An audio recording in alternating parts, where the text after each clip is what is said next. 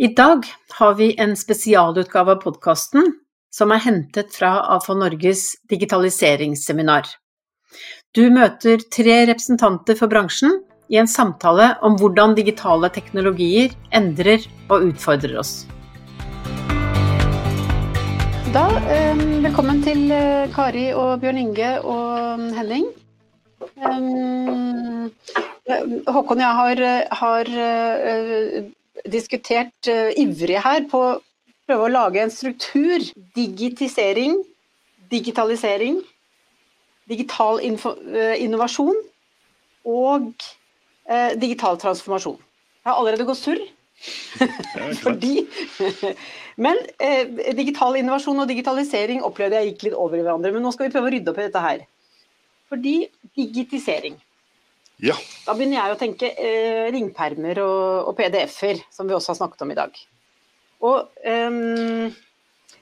Det jeg tenker på, på, digitisering, er jo da å gjøre ting digitalt. Altså gjøre noe analogt til digitalt.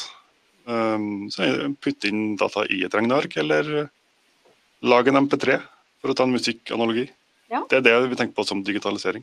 Nei, digitisering. Digitisering. Nettopp. Men um, um, Bjørn Inge, når vi snakket sammen eh, i forkant av, av, dette seminaret, så sa du til meg at det er litt for mange som fortsatt vil Vi tilbyr og flere og flere digitale verktøy, men det er litt, kanskje litt for mange som fortsatt trenger den eh, kopien i, i, mappa eller i ringpermen i hylla bak seg.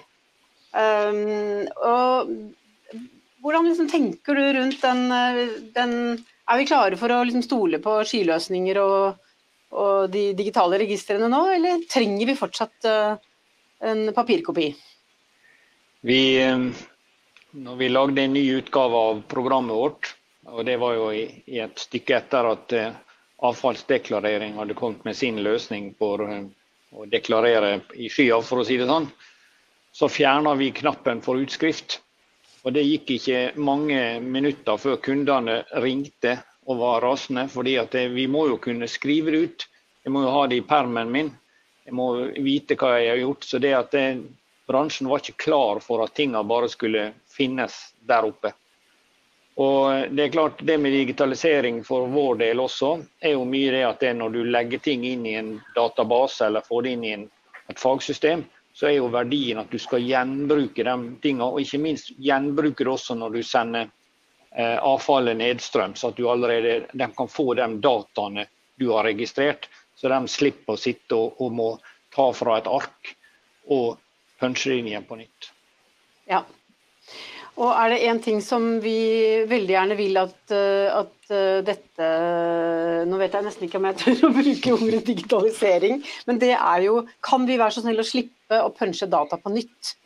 Uh, og, og, det er kanskje liksom basisen da, i, i, i, dette arbeidet. Og, og, da vil jeg egentlig gjerne videre til digital innovasjon.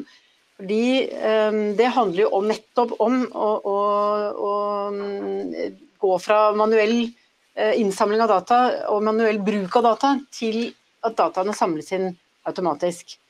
Um, og Kari, du var jo inne på det um, i innlegget ditt, hvordan dette nå mer og mer blir Det blir Eh, vi er i full fart over til en automatisk innhenting av data, men kanskje med noen utfordringer. Ja, altså jeg tror eh, bruk av sensorikk det vil bare øke. Eh, mest fordi at eh, jeg tror ikke jeg tror ingen av oss inspireres veldig av å sitte og punche inn data i et Excel-ark. Det er ikke, er ikke, veldig givende arbeid. Og, og, i seg selv så er den delen av digitalisering kanskje det minst spennende. Da.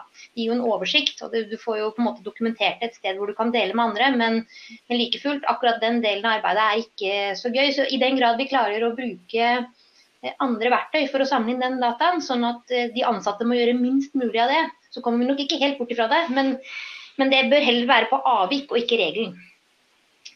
Ja. Eh, så tror jeg kanskje at det viktigste for å slippe punching når du først har kommet så langt, at du har registrert et sted, er å få disse systemene til å snakke sammen.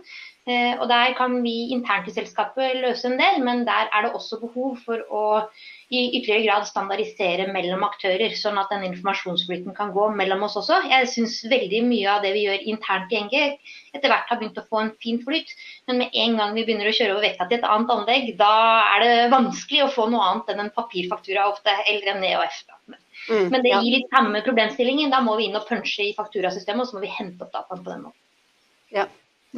Og, eh, og, Henning, jeg vet ikke hva slags erfaring du har, eh, men det, har, det er det mange som, som, påpeker dette med at du så fort du skal ut av et system og over et annet, og det har også vært tema i dag, så eh, blir det fort manuelle prosesser, fordi du, ikke, du kan ikke overføre dataene. Da er vi kanskje over på tredje punktet til Mari i dag, nemlig digitaliseringen. Altså hvordan kan vi utnytte dataene på, på bedre måter.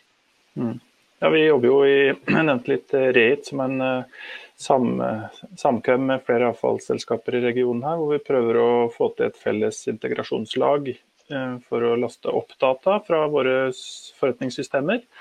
Eh, og også kunne ta inn data fra tredjepartssystemer, sånn at vi får et API som er felles, så vi kan lage, generere rapporter og dele data. og Legge en grunnmur da, for hele digital virksomheten. Så Den har vi oppe og gå nå. Og så er det å finne applikasjoner på toppen, da, så der innovasjonen kan skje.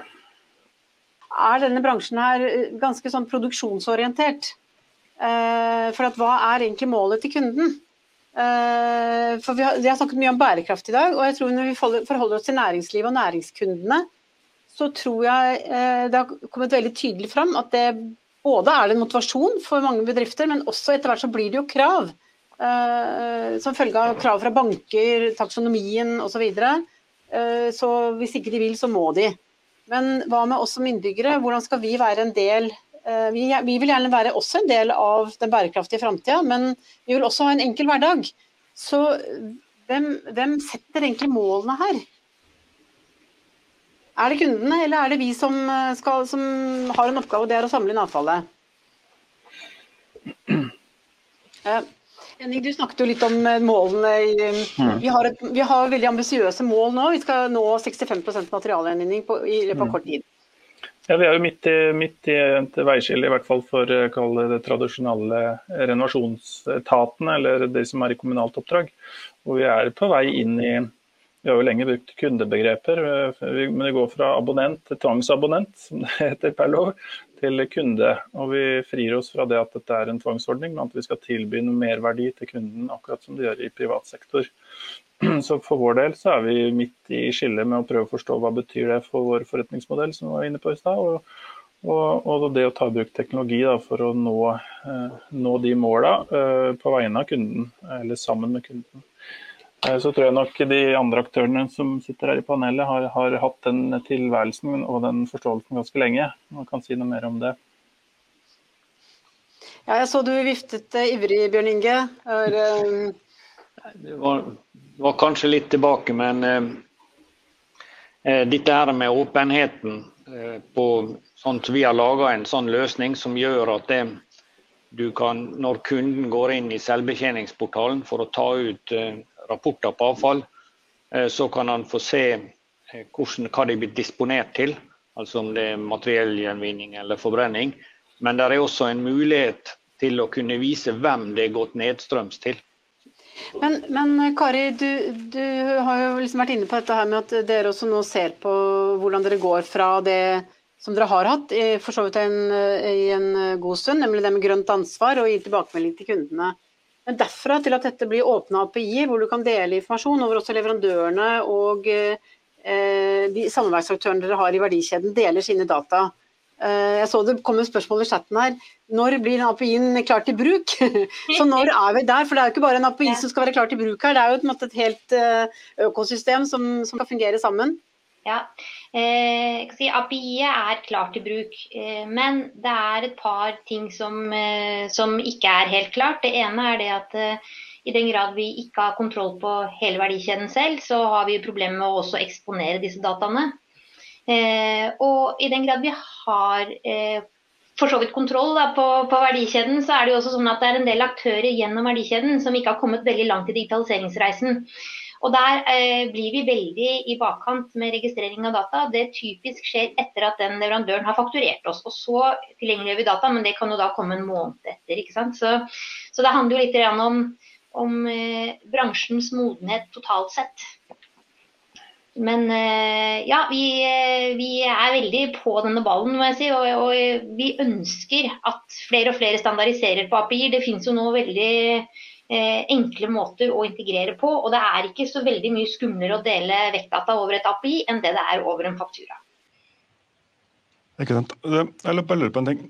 Når du sier at uh, det er litt sånn forskjellig grad av modenhet i, bransjen, hva er det som liksom hva er det som kjennetegner dem som, uh, som ennå ikke er der, og hvorfor har norsk gjenvinning kommet såpass langt? Um, det er vel egentlig to ting jeg ville trekke fram i den sammenhengen. Det ene er størrelsen på bedriften. Så lenge bedriften er liten og har en veldig enkel forretningsmodell, så trenger du egentlig ikke digitale verktøy for å være effektiv. Det er først når eh, du har blitt stor nok til at det begynner å bli vanskelig å, å kommunisere på tvers og, og, klare å holde en oversikt for hver ansatt, at du, at du begynner den digitaliseringsreisen. Eh, det er det ene. Og det andre er kostnaden på digitale verktøy da, den har historisk sett vært veldig høy. Eh, som gjør at den, den, altså den, første terskelen for å ta i bruk digitale verktøy også har vært litt høyere. Eh, men den kostnaden per verktøy på en måte, den ser vi den faller. Eh, ettersom både lagring av data faller, og der finnes jo flere og flere tilgjengelige løsninger, og konkurransen øker. Også det, kanskje det tredje jeg ville trekke frem, er jo også en sånn generasjonssak. Altså jeg ser De fleste som vokser opp nå, er jo vant til å bruke digitale verktøy og tenker digitalt først. Eh, mens kanskje de litt eldre generasjonene ikke er helt på den banehalvdelen. Så jeg tror alle disse tre tingene vil trekke oss i, i retning av at vi, vi, vil se en digitalisering overalt, men kanskje ikke med en gang. Mm. Men uh, Henning, du var inne på dette med, med konsekvenser for, uh, for, de ansatte. Og, og, vi fikk jo en, en uh, veldig fin presentasjon fra Roaf ehm, tidligere i dag, som nettopp eh, har begynt å, å optimalisere en del av kjørerutene sine. Innføre verktøy for å, for, som gikk tilbakemelding til sjåførene på hvordan de kjører. og da er sjåførene er en del av produksjonen fordi de er med på en dynamisk eh, utøvelse av, av innsamlingen av avfall. Så, så, hvilke erfaringer har, har, du gjort deg nettopp med det å skape interessante og gode arbeidsplasser? Vi også er jo i oppstarten av det å ta i bruk ruteplanleggingsverktøy og ja, finne måter å sanke data på som kan gi bedre beslutninger både ute i felten og på kontoret. Så vi er jo mer der at vi prøver å legge en strategi eller danne oss en litt uh, verdibase for hvordan vi skal ta det her eh, framover. For uh, det vi vet, at teknologien som kommer vil jo gjøre oss arbeidsløse i forhold til dagens oppdrag. Det ser vi jo med kunstig intelligens og alt det her som skjer, og selvkjørende fartøyer, doninger. Så det er det å klare å omstille, omstille, oss sånn at vi kanskje i første omgang da, bruker digitale plattformer for å snakke om problemstillingen med de ansatte. Sånn som vi har innført Workplace her. for å i første omgang var det jo for å få litt sånn eh, god samhandling både sosialt og i forhold til hva som rører seg i selskapet på tvers av avdelinger.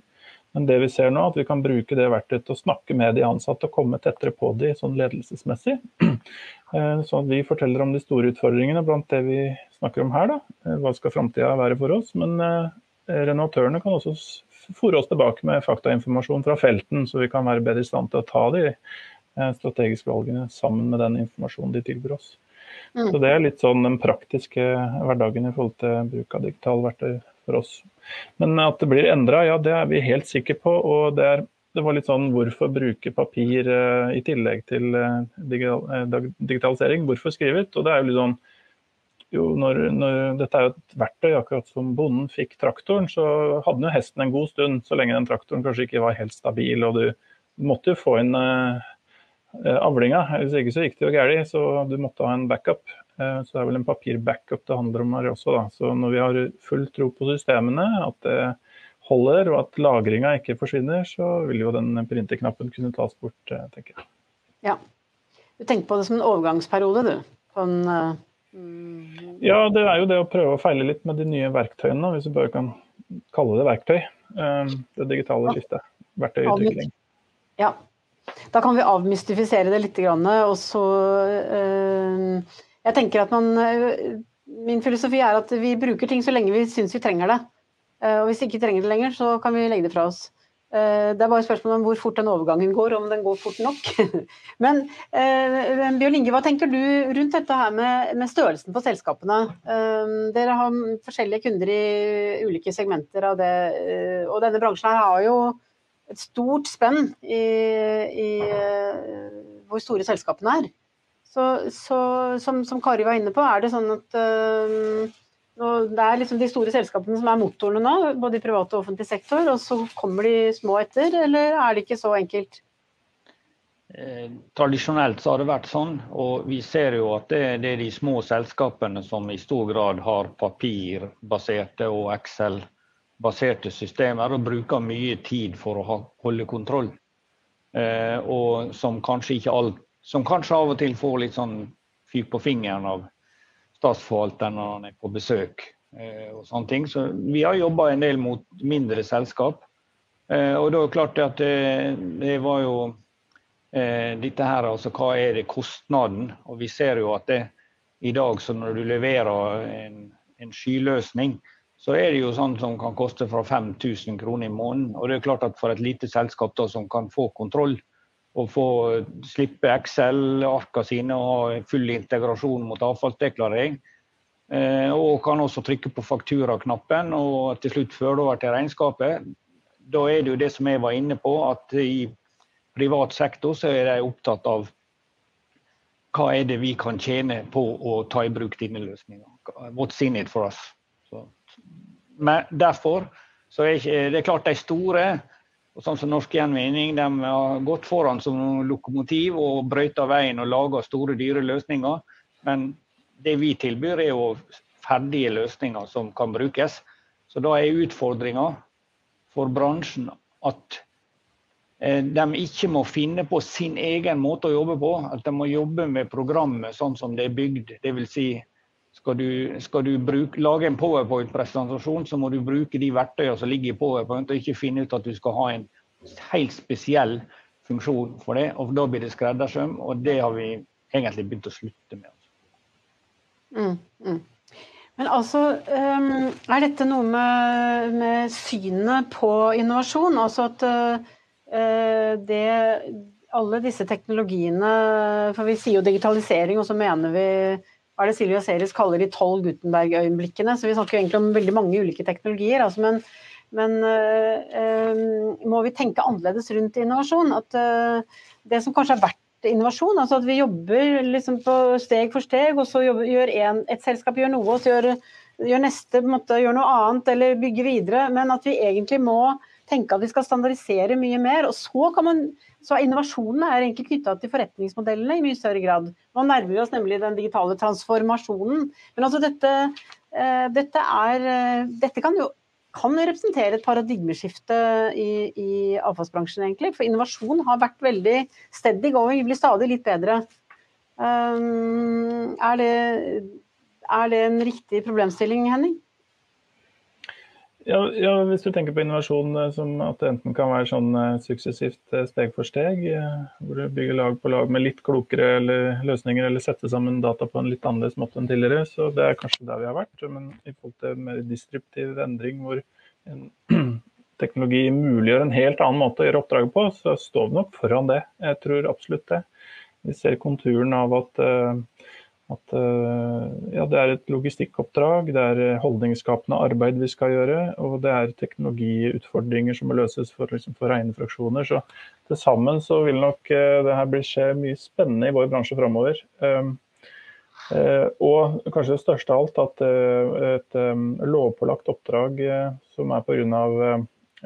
en markedsbrist, da, at du må, må hente avfallet ved lov, og du må betale den forsvinner etter hvert som vi får positive fraksjoner gjennom eh, ja, innovasjon i teknologiutvikling og tjenestetilbud som tar ned kostnaden eller øker inntjeninga. Tror du at det vil bli flere positive fraksjoner som bakgrunn av, av digitalisering? Ja, absolutt. Det er, jo, det er jo sånn at verdien på en fraksjon er jo knytta til alternativ kostnad eller etterspørsel og, tilbud i markedet. Det preges jo veldig etter hvert av de teknologiske løsningene vi får for å sortere ut, for å få til rene avfallsstrømmer som blir eh, materialstrømmer uten altfor kostnad. Det ser vi jo nå med ettersorteringsanlegg og produsentansvar som foreløpig finnes, da, men som kanskje også vil dette fra etter hvert som det F.eks. plast. da, Det er hydrokarboner som har en verdi, det er bare at det koster mer å få de raffinert enn det koster å ta ut uh, nytt. Men det vil jo lovgiver sette en stopper for, eh, kombinert med markedsmessige trender som gjør at du skal ha ombruksvarer osv. Så, så her vil råd, ja, uh, det vil overraske meg om, om vi ikke når målsettinga på 65 materialvinning, og at de 65% er positive fraksjoner. Hvis ikke så vil jo ikke den sirkulære økonomien komme i gang, hvis ikke det blir positive reaksjoner. Det er veldig interessant. Og, og det er et par spørsmål i, i chatten her nå, de skal vi komme tilbake til hvert øyeblikk. Men jeg har bare litt lyst til For i dag så har vi fått innlegg fra flere nye aktører. Uh, og, og ikke alle er helt nye, men, men de er i hvert fall veldig mye tydeligere på banen nå. Altså sånn type eh, resourcer osv. Som, som eh, nettopp ser for seg at de skal inn i den rollen. At de skal koble eh, si, kjøpere og, og, tilbydere av ressurser. Så hvordan kan avfallsbransjen tilrettelegge for at de eh, kan gjøre dette på helt nye måter? Og kanskje til og med overflødiggjøre avfallsselskapenes tradisjonelle rolle? Um, ikke sant, for det jeg tenkte å si, altså Er avfallsbransjen egentlig interessert i det? Ja, vi, egentlig? Kan, skal vi ikke det? Eller, um, for her er vi også litt tilbake igjen på Kan jobben til avfallsbransjen da være å tilgjengeliggjøre de dataene uh, om hva vi har samlet inn, nettopp for å gjøre det mulig å hente ut uh, hvem er det som er interessert i akkurat den Det kan jo være en liten, smal fraksjon som er en del av en annen. Altså, ja. Så uh, kan avfallsbransjen være en som tilrettelegger for en helt ny verden av startups og nye selskaper som utnytter ressursene på nye måter. Ja, Henning, skal du begynne? Bare litt kort, kort, innlegg på det. Jeg, tenker jo det at eh, vi, eh, spesielt i kommunal sektor, som har dette evinnelige lovpålagte oppdraget, vi står jo veien for utvikling hvis vi ikke legger til rette for å dele informasjon, by på oppdrag. At vi ikke skal ta bukta begge endene selv, men at vi tilgjengeliggjør materialstrømmer for Eh, både teknologiutvikling eller markedsplasser eller hva det skal være. Så vi har prøvd den modellen litt opp i Trondheim nå, i forhold til å åpne et ombrukssenter. Hvor vi leier ut areal til andre små og mellomstore aktører som kan gjøre seg nytte av både eh, kall det felles profil, eh, men også etter hvert råvarestrømmer, som vi tradisjonelt har håndtert sjøl.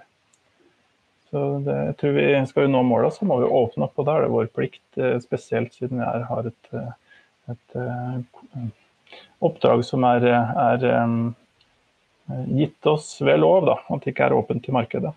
Hvis ikke så blir vi en propp. Mm. Men Kari, hva tenker du som er, som er i markedet med, si, på alle måter?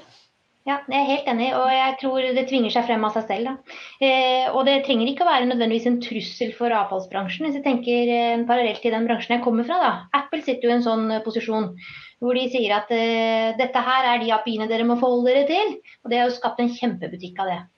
Så det, det trenger ikke nødvendigvis å være en, en utfordring, da. Mm, ja. Men, det, men det, selvfølgelig, det utfordrer den tradisjonelle tankesettet rundt hva en avfallsaktør er. Det er helt ja. ja, nettopp. Og det er kanskje det synet på oss selv, da. Er vi en, data, er vi en dataleverandør, eller er vi en, er vi en avfallsbransje? Mm, men jeg så, Ståle Rones, du har sagt eh, som Du har en betraktning her eh, som kanskje passer inn her. Som sensorleverandør har vi de siste 60 årene opplevd at andre leverandører ikke er vår største konkurrent. Det er at så mange velger å gjøre det som de alltid har gjort. Er det Da blir jeg litt lei meg, egentlig. Hvor langt har vi kommet nå i jeg har liksom hatt en følelse av at uh, fra å være et litt uh, abstrakt uh, og noen frontrunnere som ja, vi begynner å ta, sensorer, ta i bruk sensorer osv., mens nå er det tilgjengelig teknologi som flere og flere bruker, i hvert fall på noen områder. Kanskje ikke overalt, men noen steder. Containerinnsamling eller ja. Mm, er, det, er, det, er det motstand mot endring?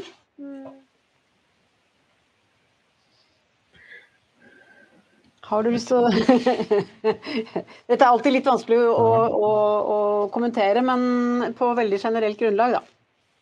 Mm. For, eh, for oss, tenker du, Henning? Nei, også oppe i uh, Midt-Norge her så har vi nå i det siste sett litt på det med sensorer. og Det som er interessant her er jo det nettopp at fra å være at du kjøper noe dyrt utstyr som kanskje har en viss levetid, så begynner du å abonnere på en tjeneste. Så Det var jo noen som var inne her før i dag, og Norsense som uh, var tidlig ute. Det kan være flere også som ikke kjenner til, men hvor de da tilbyr det med logging av nivåer som en tjeneste. Eh, du har et abonnement, og så får du sensorer som skal monteres, og så får du data tilbake. Eh, knadd på den måten du vil ha det i et brukergrensesnitt. Så Det også er jo litt i forhold til eh, leverandørmarkedet for renovasjon eller miljøbedrifter. At de også tenker på å utvikle produktene ifra å være installasjoner som er faste sånn og sånn og koster det og det, til å være noe som kan utvikles etter hvert som det er satt inn. At det er en tjeneste istedenfor et produkt. Mm. Mm. Mm. Du, da, da, er det jo litt spørsmål, og det er jo eh, For den, nå går den teknologiske utviklingen så raskt nå at, eh, at er trenger vi, Må alle konteinere og avfallsdunker utstyre med sensorer, eller vil vi etter hvert nå ved hjelp av maskinlæringsteknologi og, og algoritmer kunne predikere dette i langt større grad? Vi må ikke utstyre absolutt alt utstyr der ute med sensorer. Um, det kunne vært interessant hvis de som faktisk Eh, leverer sensorer. Eh, for alle kan jo ikke, alle kan ikke jobbe med tunge maskinlæringssystemer i egen bedrift. I hvert fall ikke, hvert fall ikke de små. Eller eh, hva tror du, Kari? Jeg tror, altså For dette her så er det nok som det ble sagt her, mange abonnementsløsninger som, som melder seg. Sånn som f.eks. det selskapet som er i gruppen vår, da, som heter Ream, de har jo en abonnementsløsning. Men eh, jeg er nok enig i at eh, man kan se for seg at det kan løses på andre måter. Spesielt der hvor rutene er så tette fra før at, eh, at, du uansett skal på samme lokasjon. Da kan du liksom godt titte oppi, ikke sant. men, men, det vi ser med disse nye sensorene, altså de kan jo måle både fuktighet og lukt. Og de kan, eh, og de kan jo på en måte hindre at ting skjer før de skjer. Altså Du får et varsel at nå må du hente dette her. Det står eh, fullt av rekeskall f.eks. Og så tror jeg også det er sånn at veldig mange steder i Norge så er det jo litt sånn sesongvariert bruk. Eh, AI er aller best der hvor mønstrene er ganske forutsigbare. Men med en gang du får avvik, så, så vil ikke det plukke opp det. Så eh, det er et eller annet i møtet her mellom den fysiske verden og den digitale. Det er ikke helt enkelt. Mm, ja. Det er kanskje det som kjennetegner uh Eh, vi, vi, jeg tror vi fortsatt velger å kalle det avfallsbransjen.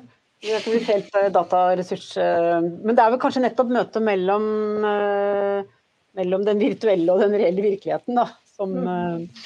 som, gjør dette ekstra spennende. Men Bjørn Inge, jeg så du brant etter å kommentere. Ja, det var litt tilbake på Ståle sin betraktning, da. Ja. Motstand mot endring. Ja, og det det opplever vi eh, når vi er ute f.eks. å presentere løsninger for kunder. Da har det vært eh, noen ganger så jeg har bomma fullstendig. Da. etterpå så fikk jeg vite at det, to av de som satt i salen, det var dem som satt i den vektbua som ville forsvinne hvis de kjøpte våre automater.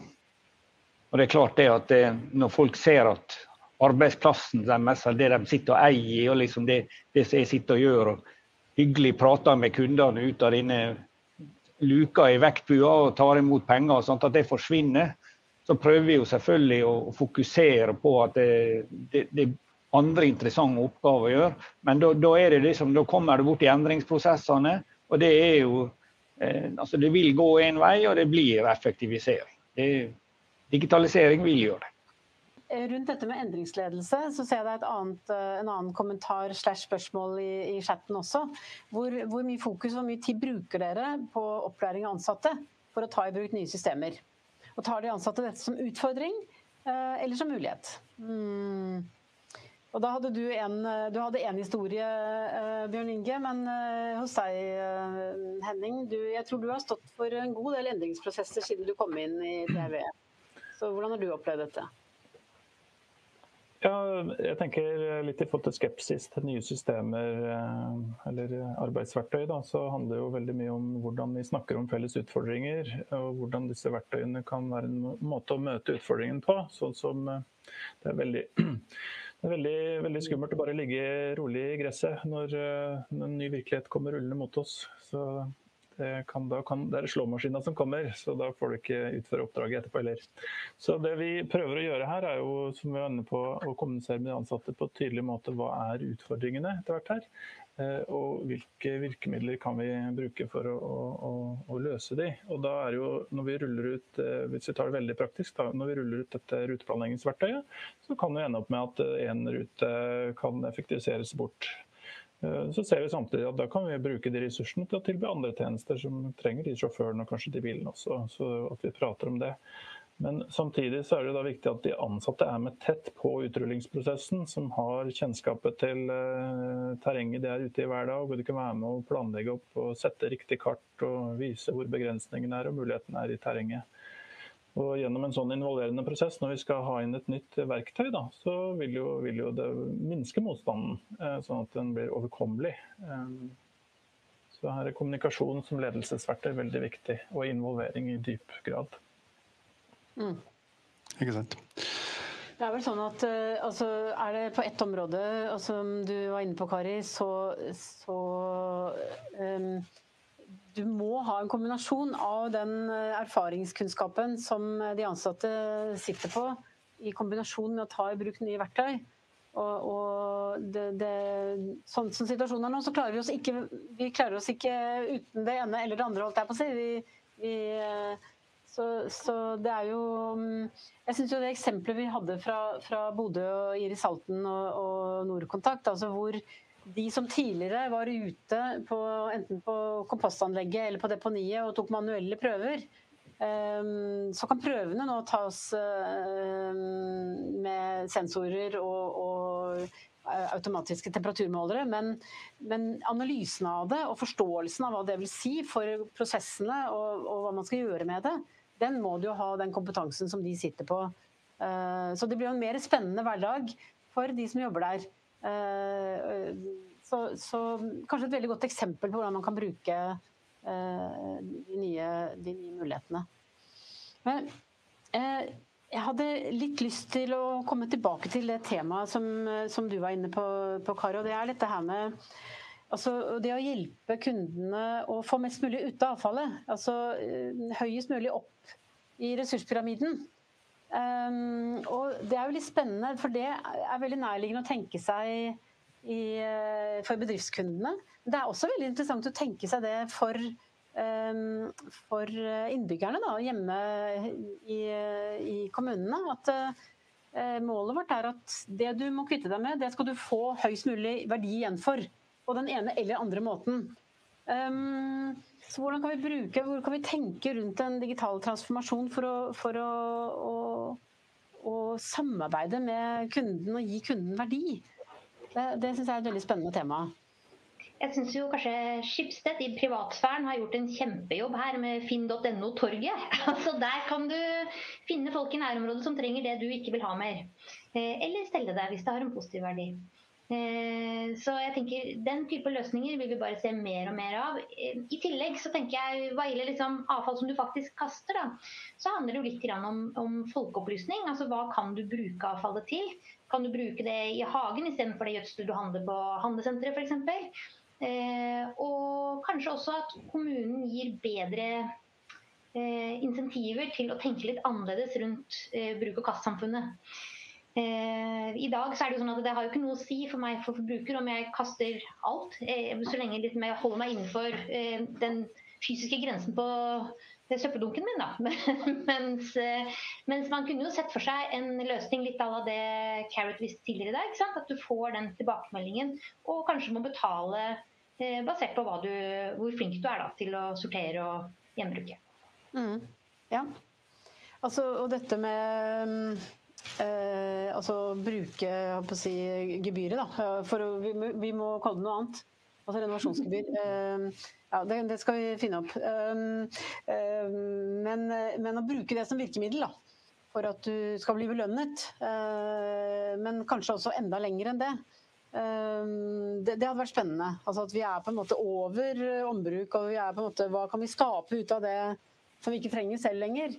Så hva, hva, hva, tror du, Henning? Kan vi nå kommunisere på kundene, kunden, også innbyggerne, på en sånn måte at dette med at avfallet har en verdi. Mm. Og det er ikke hvis vi kaller det ikke avfall, men det du har da, som du ikke trenger lenger, det har en verdi. Men hvordan kan vi hjelpe dem å bidra til at kundene opplever det sånn, og ikke minst utnytter de mulighetene? Mm. Vi er jo i med å etablere en, digital plattform nå som skal gi oss mulighet til å kunne styre mer hverdagen selv. Du kan endre beholderstørrelser, og det er bare førstetjenesten. Og så mm, ja, bestille forskjellig informasjon, ta, komme inn på en kursplattform kanskje. Sånn at vi, det første er å komme i inngrep uh, og interaksjon med kunden.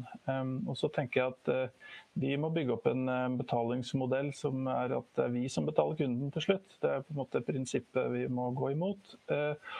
Eh, og I den grad kunden vil oppnå en høy høy miljøeffekt, så kanskje vi kan ha et variabelt gebyr eh, eller en variabel betaling hvor du velger å ta ut mindre gevinst hjemme, eller putte litt penger på toppen.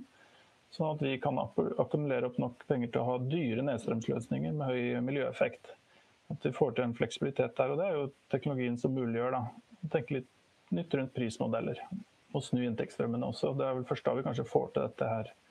For utfordringen er jo at vi samkjører for mye inn i en logistikkstrøm som vi vil ha fra hverandre igjen etterpå, eh, for å få effektiv logistikkstrøm.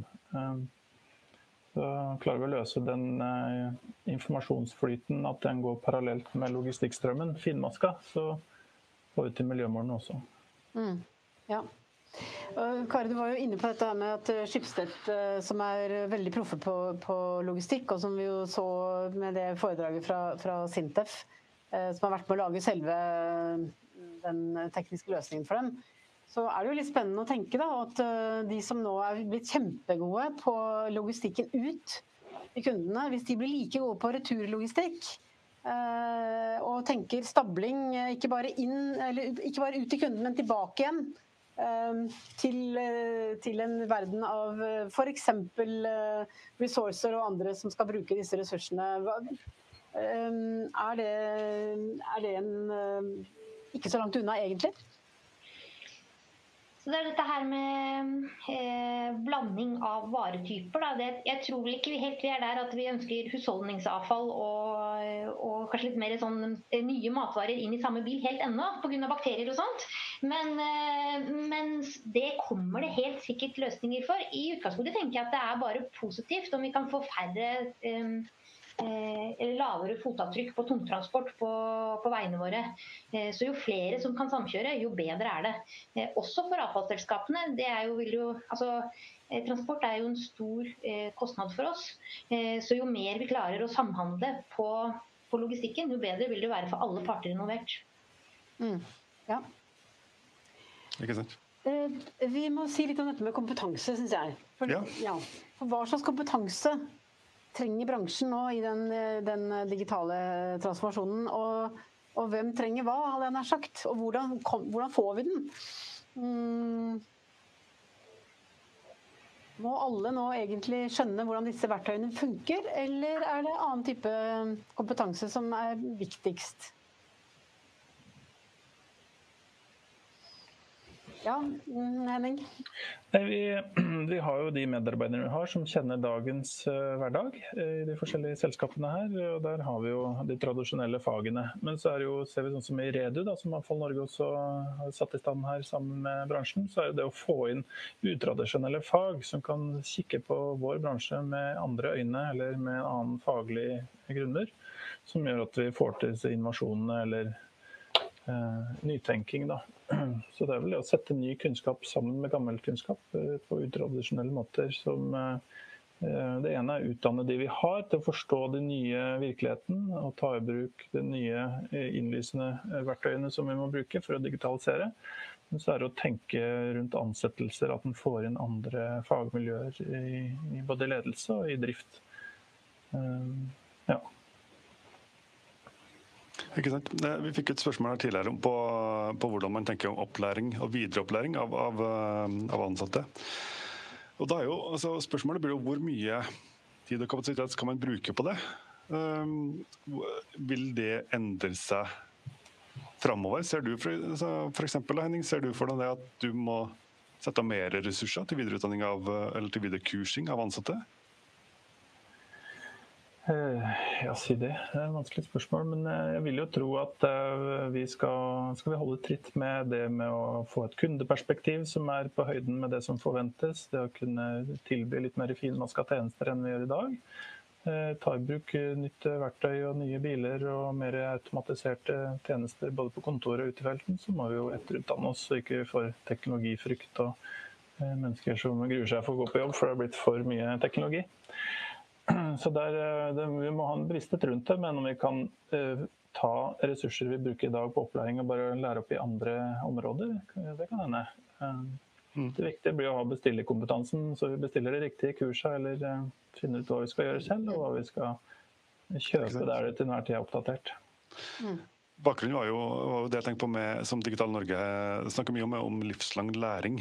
Eh, det blir jo mer fra, den, eh, fra arbeidstaker sin side, men, men eh, ja.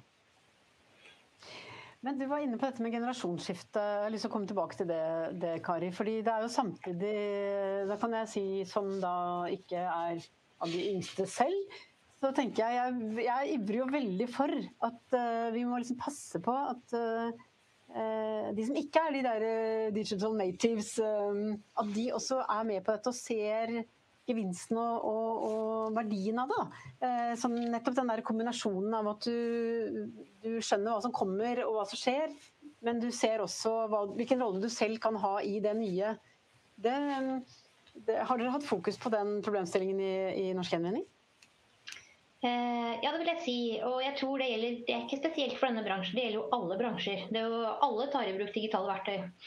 Eh, det som hjelper oss litt her, er jo at grensesnittene blir jo bare bedre og bedre. Så, og støtten i verktøyene for å gjennomføre en prosess blir også bedre og bedre. Eh, vi har i dag et F.eks. vi bruker SAP som ERP. Eh, og SAP er et sånt eh, ganske 90-tallssystem eh, med 150 felter du kan fylle ut, og da potensielt 150 feil du kan gjøre på hver eneste ordre. Det vi ser på de nye CRM-systemene nå, at de har helt styrte prosesser for hva du skal legge inn. og Det er nedtrekksmenyer og det er veldig logisk bygget opp. Da. Som jeg tror gjør at brukerterskelen blir lavere, og det blir enklere å føle at man mestrer jobben. Så der får vi litt drahjelp av teknologisk utvikling, rett og slett. Da gjenstår det bare å takke for i dag. Takk for at du har lyttet til AFO Norges podkast. Takk til vår produsent Håkon Bratland. Har du innspill, send det gjerne til sirkuler at afonorge.no. Ha det bra!